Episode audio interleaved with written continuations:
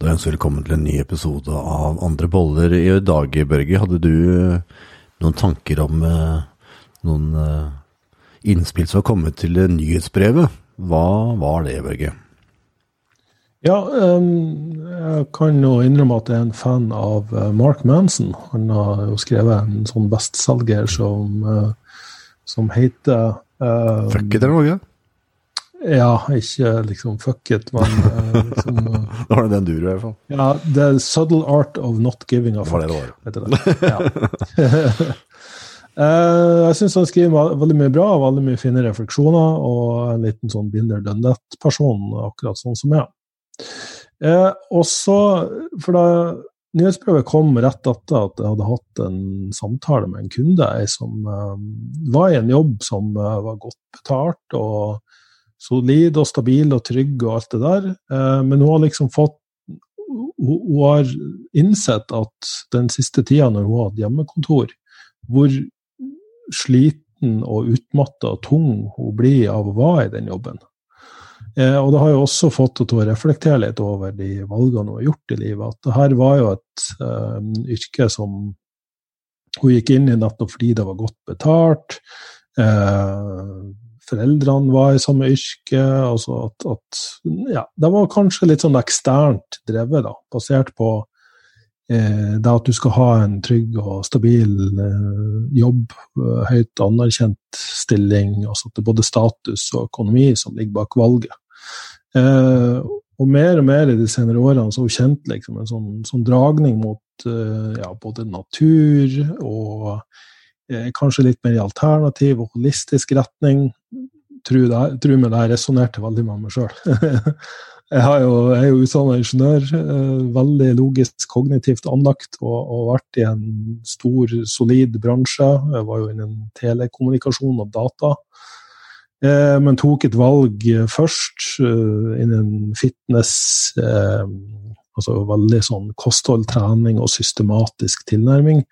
Og så til slutt så bare kjente jeg at det her ble jo bare tungt og, og, og trist etter hvert. Og at jeg vil gjøre det mer sånn holistisk og helhetlig, og mental helse, og ikke sant, jeg har gått Soulspring og tatt sånn reading-kurs. Det har gått all in, du, Børge. ja, ja, ja. Det er jo med i et nøtteskall å gå litt sånn all in. Samtidig så er det jo for, det er kanskje blitt litt populært at um, fordi det, det du hører om i media, det var en konsernsjef som sa opp jobben sin og kjøpte et småbruk og ble bonde. sant? eller uh, starta som uh, altså kunstner eller musiker. Altså tok sånn helt ville veivalg som var totalt motsatt. Uh, men bare det var det hjertet han sa, eller sjela han sa, og dermed så bare føltes det riktig å gjøre. Men det er jo selvfølgelig òg mange som har tatt de sjansene her og, feila og gått så jævlig på trynet at uh, de aldri tør å snakke om det noensinne igjen. Og måtte liksom krøpe tilbake til korset igjen. Eh, så, så ref her med å ta et nytt valg i livet som, som, føles riktig å gjøre, så tror jeg det også skal være greit å ha en fot fremdeles litt planta i den jobben du holder på med, så, men samtidig begynne å utforske og gå over i noe nytt, og noe som da er såpass givende at det veier opp for det kanskje da tunge og triste som den mer stabile i gåseøynene Eh, og trygge i, som i like mye gåseøyne eh, gir det. Og for at det her skulle liksom og derfor da tilbake til det nyhetsbrevet, at det kom akkurat etter at vi hadde denne samtalen. For der sto mye av det samme rundt at eh, samfunnsstrukturene nå er jo i ferd med å endre seg dramatisk på verdensbasis eh, pga. den koronasituasjonen. Der Eh, hun har også fått smaken på hjemmekontoret og trivdes veldig godt med det. Eh, og, og, da klart å håndtere den jobben i større grad, eh, fordi at det liksom var mulig å jobbe hjemmefra. Eh, og nå har jo da eh, både Facebook, Twitter, Shopify og Morgan Stanley, Nationwide Insurance og Barclays eh, gått ut og sagt at de enten vurderer eller har tenkt å la ansatte jobbe hjemmefra for all evighet. Så vi går jo inn faktisk i en, en ny verden. Altså Samfunnet renskes jo ut nummer én på kanskje bransjer som er litt utdatert, eller kanskje ikke like nødvendig lenger. Eh, men også måten folk eh, forholder seg til en jobbhverdag er jo i ferd med å endre seg ganske dramatisk hvis at verden nå i større grad skal tillate folk å, å jobbe hjemme fra sin egen stue, i stedet for å uh, sitte i rushtrafikk i timevis og stresse og styre. Og, og selvfølgelig var jeg et kontorfellesskap, men der jo statistikken viser at veldig mange mistrives. Så, så jeg syns det var litt interessant å, å, snakke litt om at uh, Jeg tror nok det er mange som hører på oss, som, som, også er i en situasjon der de revurderer livsvalgene sine. Uh, forsøker å forholde seg til den nye hverdagen her på en, på en uh, bedre måte. Og ta valg kanskje i mye større grad ut ifra hva de innerst inne ønsker, og ikke nødvendigvis hva samfunnet eller omgivelsene forventer av dem. Ja, og du snakker jo om et tema og en tematikk som er veldig utfordrende, da. For vi, kan alle, vi kan alle føle at uh, ja, jeg skulle ønske at uh, det valget jeg tok der borte, skulle jeg ikke tatt. Men så blir det sånn at uh, ja, men hvilken lærdom kan du faktisk ta av det valget? Så du sa at det er mange som tar det valget, og så føler de at de Åh, det er skikkelig dritt, så måtte jeg krype tilbake igjen. Faen, jeg feila. Skulle aldri gjort det der. Men så, ja, men hva lærte du av det, da? Ikke sant? Du har garantert tatt noen erfaringer fra det. Og hvilke erfaringer kan du ta med deg videre? Så du, det kan jo hende du var på riktig vei, men så var det et eller annet valg du tok der som ah, Åh, det var de feile valget der, men så tok du ikke noe særlig analyse av det. Og tenkte nei, vet du hva, da gir jeg hele greia på sjøen, og så går jeg bare tilbake her igjen. Og, mm. og, vi er litt flinke til å gjøre det, da, framfor å heller ta en liten korrigering. Altså se at vet du hva, jeg skulle kanskje bare tatt en liten uh, tatt en liten status og sett, altså ja, det var den ene tingen der jeg gjorde, jeg skulle ikke tatt den. Det er liksom den ene tingen jeg tenker rundt det der med å ta riktig valg. Nummer to jeg tenker å ta riktig valg, er det hvilken situasjon tar det valget ut ifra? Tar det valget ut fra at du på en måte ikke har penger, du har ikke muligheten til nesten å få tak i mat, og du ikke har tak over hodet og du er nesten der på gata. Er det, det, er det liksom den stressa situasjonen der du tar valget ut ifra, eller er det at du faktisk er rolig, har økonomisk oversikt, og at du måtte klare å ta det fra en, fra en rolig tilstand? For det er jo mye å si det, og hvilken tilstand tar du faktisk valget ut ifra? Ja, ja, og for å adressere det første, det var også når vi tok opp den samtalen. For nå uh, sitter selvfølgelig hun der og tenker at altså Den gangen hun fikk denne, det jobbtilbudet, så følte hun at hun, at hun gjorde et godt valg. At det, det var riktig å, å, ta. Det bare kom, det bare dukka opp. Veldig mange av de beste avgjørelsene vil jo si dukka opp når du ikke grubler og tenker så veldig mye før du tar dem. Eh, men så sitter hun her i dag da, og tenker at nei, uff, det, var, det føltes jo så riktig den gangen, men nå uh, opplever hun det bare som feil. Men så er det akkurat som du sier, da, at um, ja, men samtidig så har du jo fått erfaringer og lærdom som gjør det til den personen du sitter her og er i dag. Og da kanskje enten i, i ferd med å kunne trappe ned den stillinga du allerede har, eller kanskje få ei anna stilling et annet sted som er mye mer fleksibel, og som du kanskje utelukkende kan få nettopp fordi du har tilegna den erfaringa du har nå. Med, med, ja, jeg skal ikke si for mye, da, av, av litt sånn beholde den anonymiteten. Um, samtidig så hadde hun heller ikke kommet til det punktet at hun hadde tatt dette valget, med mindre den jobben hadde vist seg å være, være så tøff. Da kan det hende at hun hadde fortsatt i, i, samme yrke eller samme bane i, i evigheter, til at hun ja, til slutt hadde fått den midt i trynet. Eh, og det andre er jo akkurat det her med at um, at det i hennes hode var mer riktig før vi begynte å ta denne samtalen, å bare slutte i jobben og så holdt på å si kjøpe et småbruk og liksom starte helt på nytt i, i liksom harmoni med naturen. Men at jeg la jo fram en, en må kalle det litt mer praktisk tilnærming, der du fortsetter i den jobben du har, eller skalerer den litt ned, eller tilnærmer deg til den jobben mentalt på en helt annen måte, sånn at den ikke tynger deg så mye ned. Sånn at du får mer overskudd, mer pusterom, mer tid, energi og oversikt til å kunne ta et bedre valg. Og hvis det her innebærer for andre der ute at du må, la oss nå si da, sitte i kassa på Rema eller jobbe på et lager eller kjøre taxi eller hva enn det måtte være som du sjøl føler ikke passer deg helt, eller er helt riktig for deg, men som bare er nødvendig for å få mat på bordet, ja, men så gjør det, da. Du tar ikke et valg for evig, altså for resten av ditt liv. Og det er faktisk veldig mange der ute som bare har en jobb de går til, som ikke nødvendigvis gir de eh, altså fyrer opp under deres eh, livs eh, eh, altså passion i livet, liksom. Men som bare gir penger nok til å kunne holde på med noe på fritida, som de har såpass mye glede av at den jobben eh, Det går helt fint å gå på den jobben. Og så er vi inne på et veldig viktig poeng, det er at veldig ofte hvis vi velger noe, så tenker vi sånn at det er for evig og alltid.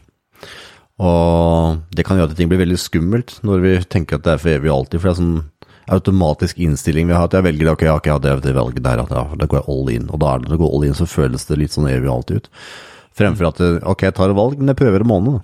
Så ser jeg om en måned var noe som uh, jeg syns var noe særlig i det hele tatt. Om det, jeg finner mestring på andre siden av måneden jeg prøver på i det hele tatt. Så det må være lov å sette litt korte perspektiver for seg selv. Jeg tror det er mye enklere å gjøre valg i livet når man tar korte perspektiver. Og vet at vet du, jeg har faktisk en return. Jeg kan faktisk snu hvis ikke jeg syns det var noe særlig i det hele tatt.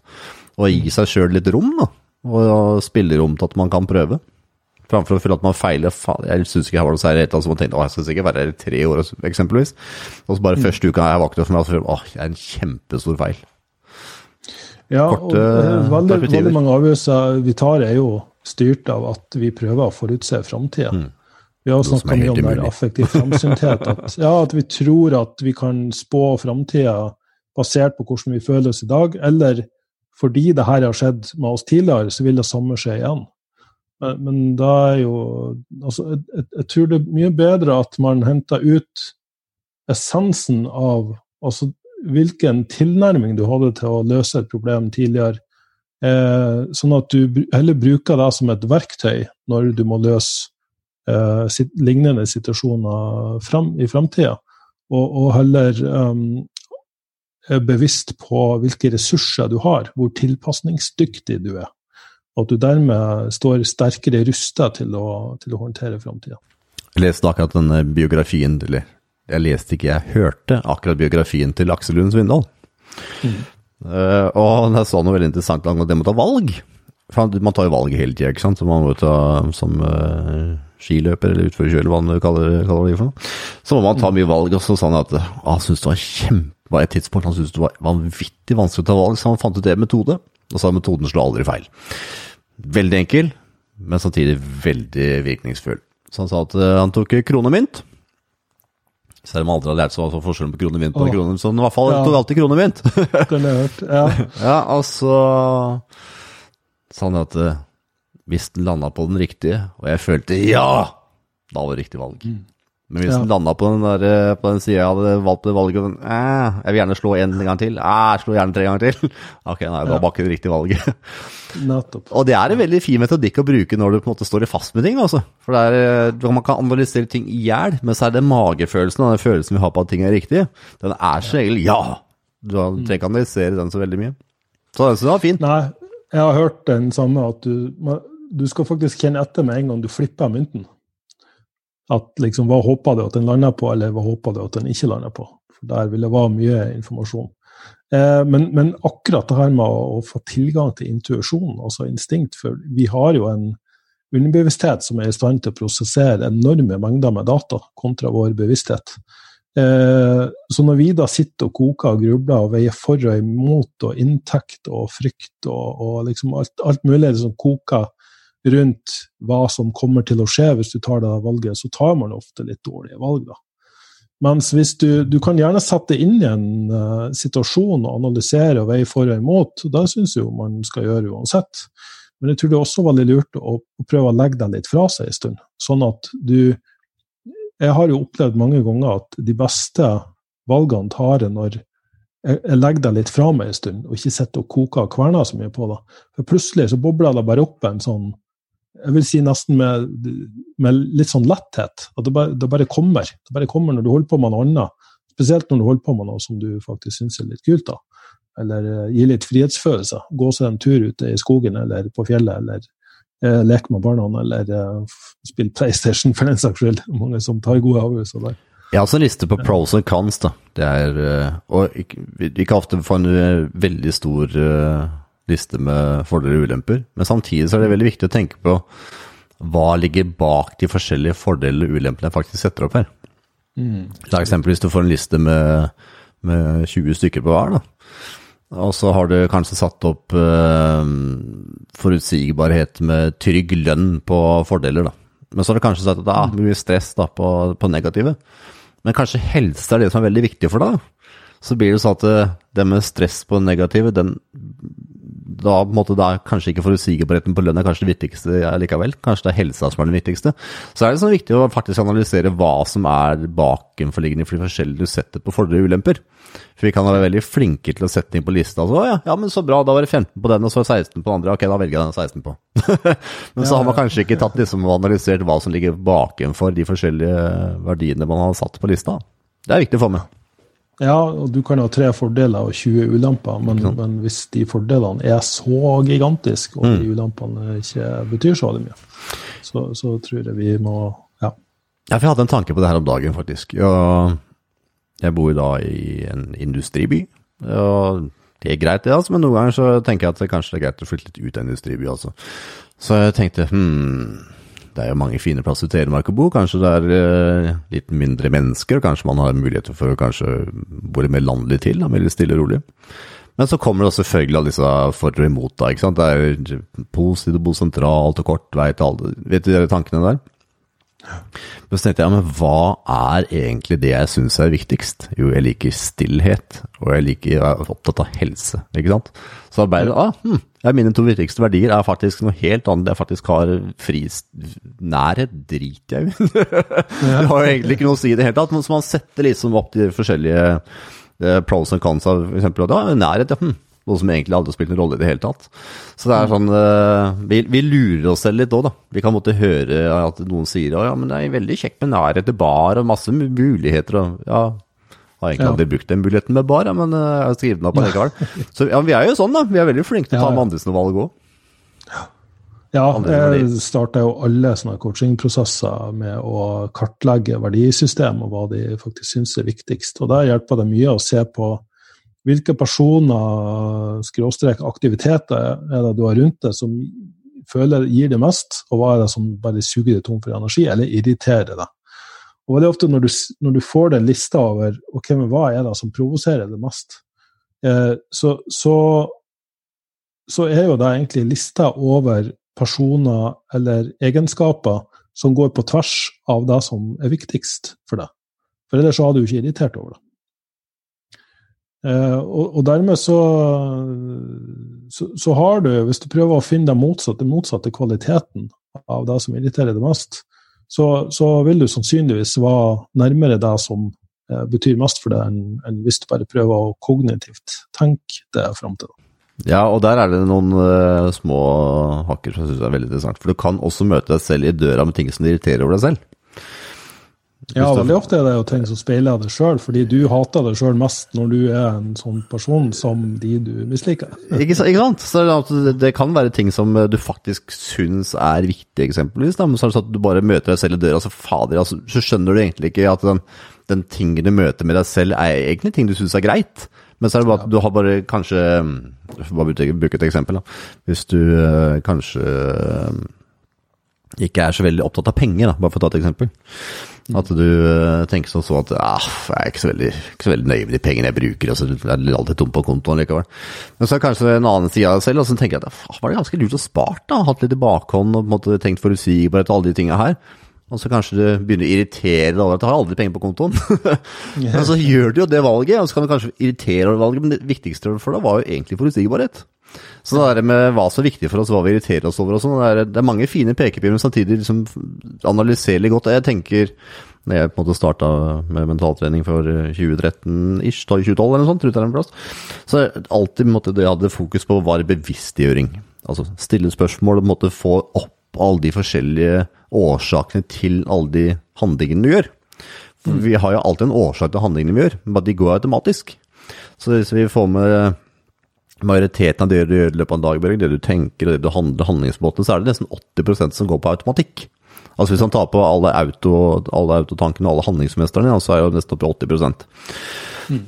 og, og Man må liksom stoppe litt opp og måtte bli bevisst på alle disse handlingene man gjør automatisk. Da, for ellers er det bare brutt, Du vet jo det sjøl. Oi, den dagen der var borte. Hva har jeg egentlig gjort den dagen? Hvilke bevisste valg tok jeg egentlig i går? Hm, Åssen reflekterte over valget jeg tok i går, egentlig? Vi, vi går jo ikke gjennom sånn. Det er bare sånn Oi, den uka jeg da var borte, nå er det helg. Ja, ja. Ja, men det er jo sånn, Vi stopper aldri opp og reflekterer så veldig mye over valga vi gjør. Hvorfor vi gjør det valget. Hva var bakenfor for jeg tok det valget? Jeg tror man nesten blir tvinget til refleksjon når at vi har gått og kjent på at noe er galt lenge nok, da, forhåpentligvis. Ja, for sant man klarer å se hvilk, hva det er, da. For ofte så kan det være sånn at ok, jeg føler at jeg har ikke så mye energi. Jeg bare tar et eksempel. Jeg har, ikke noe særlig energi om dagen. Å, jeg er så tom for energi. Jeg får ikke noe til. Jeg kommer ikke meg ikke ut. Jeg bare sitter inne, jeg får ikke noe til. Og så blir det sånn at det er energien du på en måte du henger deg opp i. Men du, henger deg kanskje, du får kanskje ikke med deg de bakenforliggende årsaken til at du faktisk ikke har energi i utgangspunktet. Veldig godt poeng. Jeg har, jeg har jo mista tellinga på folk som kontakter meg fordi de vil ha hjelp til kostholdet. Ja. fordi de har så dårlig energi. ja. Og så går vi og ser litt på livssituasjonen deres, og så har de jo bare sånn eh, ting jobbmessig og relasjonsmessig som tømmer de for energi. Det er ikke forholdet mellom karbohydrater og problemet, da. Nei, Vi er veldig gode på symptombehandling, det er vi gode på. Men uh, hva som egentlig var årsaken til at de fikk symptomer i utgangspunktet, det er en helt annen sak.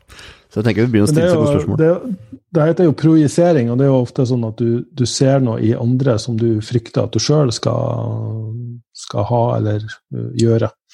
Eh, Sjalusi er jo et godt poeng, eh, eller godt eksempel Kontroll. på at mange som går rundt og er veldig sjalu, sjalu overfor samboeren eller den de er sammen med, det er jo fordi de kanskje sjøl er i stand til å, å være utro. Ja, Kan jeg få lov til å si en ting der, Børge, før jeg glemmer det? For jeg synes det er veldig Ja, viktig jeg sier ikke at det er en absolutt sannhet, Nei. men det er veldig mange tilfeller av det. Absolutt, jeg er helt enig. Men så er det en annen ting som jeg tenkte på her om dagen, faktisk. Eh, som ble en sånn liten åpenbaringstanke. Det var at eh, Mm. Vi mennesker vi kan ofte være sjalu, eller vi ønsker å kontrollere, eller vi er De fleste er jo sånn. Vi ønsker å måtte vite hva samboeren driver med, eller hva det måtte være. Men så, Ja, I hvert fall hvis vi føler at vi ikke har kontroll over vårt eget Ja, det er sånn. ja, ikke, det, kanskje, ikke, ja kanskje det òg, men det skal de fram til, er at eh, hvis, man, bare og kverulerer nå. hvis vi analyserer akkurat det, da, så det du egentlig grunnen til at du ønsker å kontrollere samboeren din, eksempelvis, det er for at du ønsker ikke å få en negativ følelse. For hvis Ja, ja. samboeren din gjør noe mot deg, så blir du såra. Den følelsen den ønsker du ikke å ha. Så derfor ønsker du å kontrollere samboeren isteden, sånn at ikke du skal føle på den negative følelsen. Det er helt riktig. Og det er, ikke sant, det er jo det vi Vi kan godt kalle det for sjalusi og den type ting, da. Men uh, i bunn og grunn, så det du egentlig kontrollerer og gjør alle de tinga for, det er egentlig for å verne deg selv. Men det er ikke sånn Ja, ja. vi tenker på det. Vi tenker sånn at fader, han samboeren gjør sånn pokker og Så både begynner man å legge skyld på alle andre for at man selv kontrollerer for at man selv ikke skal ha negativ følelse. Så vi har mange som kamuflerte handlingsmønstre òg, da. Ja, ja absolutt. Um, og det er jo faktisk, vil jeg si, en veldig sånn um, nesten egosentrert måte å navigere Veldig. livet sitt på. Vi er jo det. Folk rundt deg må alltid oppføre seg på en bestemt måte eller si de riktige tingene. Hvis ikke, så føler du må stemme deg. Og det er vondt å føle på. Så Derfor så må den personen aldri snakke til deg på en bestemt måte, eller de må alltid snakke på en bestemt måte Ja. og oppføre seg på bestemt Du vet at jeg føler sånn det, Børge. Det må du ikke si. Det syns jeg er alltid fin. Nei, jeg, tar, jeg skal kaste stein i glasshus hver gang vi har de her eh, samtalene. Jeg kjenner meg veldig godt igjen i det sjøl. Så det er ingen der ute som hører på det her, som må tro at verken jeg eller Frank Nei. eh, påberoper oss å være perfekte på noen som helst slags område. Nei, vi får åpenbaringen av en grunn, da, Børge. Ja, det er vel heller derfor vi bruker veldig mye tid på å, å finne ut av hvor mye feil vi gjør. Ja, ja, det er akkurat det det går i. Men det var en åpenbaring, det, altså, for det der med, det der med eh, kontroll, sånn som barna, eksempel. Jeg ønsker jo at de skal slå seg, jeg ønsker jo ikke alle de tingene her, ikke sant? Så noen ganger så sier jeg at hvis de krangler veldig mye to mellom, så sier jeg åh, nå orker ikke pappa å høre med på den hylinga. Så er det sånn, jeg orker ikke høre med på hylling som du slutter å hyle. Det er sånn at nå skal jeg kontrollere deg, for at jeg vil ikke kjempe en negativ følelse. Og jeg tror vi gjør egentlig veldig mye av det at vi måte skal kontrollere om verden for at jeg ikke skal kjenne på en negativ ting.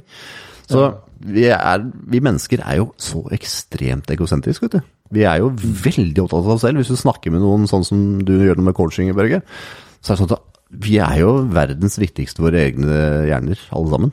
Vi er jo verdensstjerner i våre egne liv, og vi er jo de viktigste som fins. Og jeg hørte en standup-komiker som sa her om dagen at eh, han hadde aldri vært utro med kona si. Hadde, det hadde han aldri vært. Og så sier han som han prata med, ja, hvorfor ikke det? Nei, for da hadde det ikke vært så stabilt rundt den. Og han trengte å ha en stabil kone, og kona måtte ha bra for han skulle ha det bra. Så han visste at hvis han var utro med kona, så ble det et helvete, og da var det ikke stabilt rundt den heller. Så, så hans da tanke var at ok, hvis jeg da ikke er utro, da har jeg det bra hjemme. Og det var ikke fordi han ønska at kona skulle være best mulig, for han hadde ingenting om det å gjøre. han hadde kun med at han ønska å ha det bra. Og vi er jo sånn, vi mennesker. Vi er jo styres ut fra hva som er viktig for oss selv. Ja, ja, det er mange som larva og gjør ting som de egentlig hadde ønska gjort, fordi de bare ikke vil rocke båten. da, sant? De, de vil unngå å, å måtte forholde seg til ukjente faktorer, eller, eller altså Det er jo frykt for at vi skal føle noe i framtida som forhindrer oss fra å ta både dårlige, men fryktelig mange gode avgjørelser også. Ja, tenk hvor mange opplevelser som er der, Børge. Det tenker jeg på. fall. Tenk på alle de opplevelsene som vi kanskje unnviker å ta fordi at vi er redd for at det skal skje, eller det skal skje, eller Tenk hvor mange opplevelser som ligger der, da. Ja. Ja, og jeg tror jo vi er her for at vi skal ha et så rikt liv som overhodet mulig. Så ved å liksom bare sitte eh, i vårt eget lille panic room og isolere oss og ikke ha noen Ja, og ikke, ikke liksom oppleve noe. Ja, i hvert fall nå, liksom. Men, men, og det er sikkert mange som bare blir fastlåst. Ja. For du sa innledningsvis at ja, nå skal de store selskapene bare hjemmekontor for evig alltid. Ja, ja, da er det ganske mange introverte som aldri kommer til å se folk. Ja, det er jo baksida av alt, egentlig. Jeg tror for mange så kan det gjøre arbeidshverdagen mye lettere, og jeg tror også det kan spare samfunnet for veldig mye miljøutgifter. Men eh, da må hver enkelt. Jeg tenker de må bare ha egne kurs for å få folk til å, å ikke isolere seg helt sosialt. For Hvis vi bare skal leve livet gjennom en skjerm, så, så tror jeg Da får du mye å gjøre med det mentale framover, Børge. Ja, eh, garanter. Vi, vi er jo helt avhengig av menneskelig kontakt. Ja, vi er vi er jo flokkdyr. Så også tror jeg også vi er jo også skapt for å leve i, i et økosystem i naturen, der vi eh, liksom har vårt, eh, eh, vår del av eh, liksom, eh, hele den store sirkelen. Da. Og det at vi bare setter oss innendørs og, og, og forholder oss til teknologi og den dig digitale verden, så, så er det mange der som, som ikke skjønner hvor mye det kan påvirke mental helse og, og trivsel og velvære. altså. Jeg kjenner for min egen del at eh, skog, det går jo toppturer hver eneste dag. Jeg går skog hver dag i alle fall, hvis ikke jeg rekker noe annet. Eh, Og jeg merker at, vet du hva, de siste dagene har jeg ikke interessert meg å lese nyheter engang. Og de sosiale mediene har de i hvert fall ikke kikka på. Så det er sånn at eh, den interessen Jeg, jeg gidder ikke å ta opp telefonen for å se på det engang. Det er bare at det gir en det gir en motvilje til å ønske å se. For at i starten så var det, det var veldig vaneavhengig. Jeg måtte kikke på telefonen, jeg måtte sjekke at det hadde skjedd noe der. Eller. Nå er det bare sånn åh, jeg har ikke, jeg har ikke lyst til å ta den opp engang. Og jeg tror vi er Jeg vet ikke, i hvert fall for mitt tilfelle, så blir det, det går mer og mer i den retningen. At det bare interesserer meg ikke. Jeg bare enser meg ikke. Jeg syns det er kjempeinteressant å lage podkast og dele informasjon og måtte prate med, sånn, med deg og sånn, Børge. Men skal jeg drive og gå inn på sosiale medier, for jeg skal legge ut det, jeg skal liksom trykke opp i trynet på noen, på en måte. Det bare det, det bare taler meg helt imot. Så jeg tror, jeg tror det er flere som føler på det samme, for det er imponerende hvor mange mennesker som er ute og går tur om dagen. Altså. Det er mange som Ja. føler på en følelse av at jeg er så drittlei alt som teknologi og mas at vet du hva, nå skal jeg ut med naturen igjen. Ja, og da tror jeg noe av det mest positive som kommer ut av det her, at vi vil nok i større grad ikke bare kjenne det suget etter å kanskje gå i litt andre retninger i livet vårt, men også da å ha mer nærkontakt med naturen, ta bedre vare på helsa vår. Det har jo satt så mye fokus på helse at jeg har jo opplevd folk som bare totalt har gitt faen tidligere, som nå virkelig begynner å, å, å tenke på det. Eh, og, og det vil forandre på mange sosiale strukturer og samfunnsstrukturer. Eh, så, så det blir interessant å se de neste månedene hva, hva som skjer på samfunnsbasis. Og for deg som lytter, så kan du nå få følge med en sånn prosess i levende livet, for Børge han skal bli bonde. Så nå kan jo alle få til å følge med åssen det er, Børge. Ja, bonde og bonde. Vi, vi skal riktignok overta en gård, men vi skal ikke drive gårdsdrift. Ja da, men du skal i hvert fall bo på en gård, da. Ja, Ja, Du skal bli sånn eh, sjefsbonde. Sånn, eh, hva heter det, ikke sånn det heter? Ja, Ja. vi, vi får kalle det det. Ja. Sjefsbonden Børge. Så for deg som lytter, må du gjerne sende sjefsbonden Børge forslag til eh, gjester han skal intervjue. Og så kan du sende forslag til tematikker til podcast at myrevolution.no. Da håper vi du ble litt klokere når du skal ta valg i livet. Og til neste gang, tusen, tusen takk for at du hørte på. Ha det bra. Ha det bra.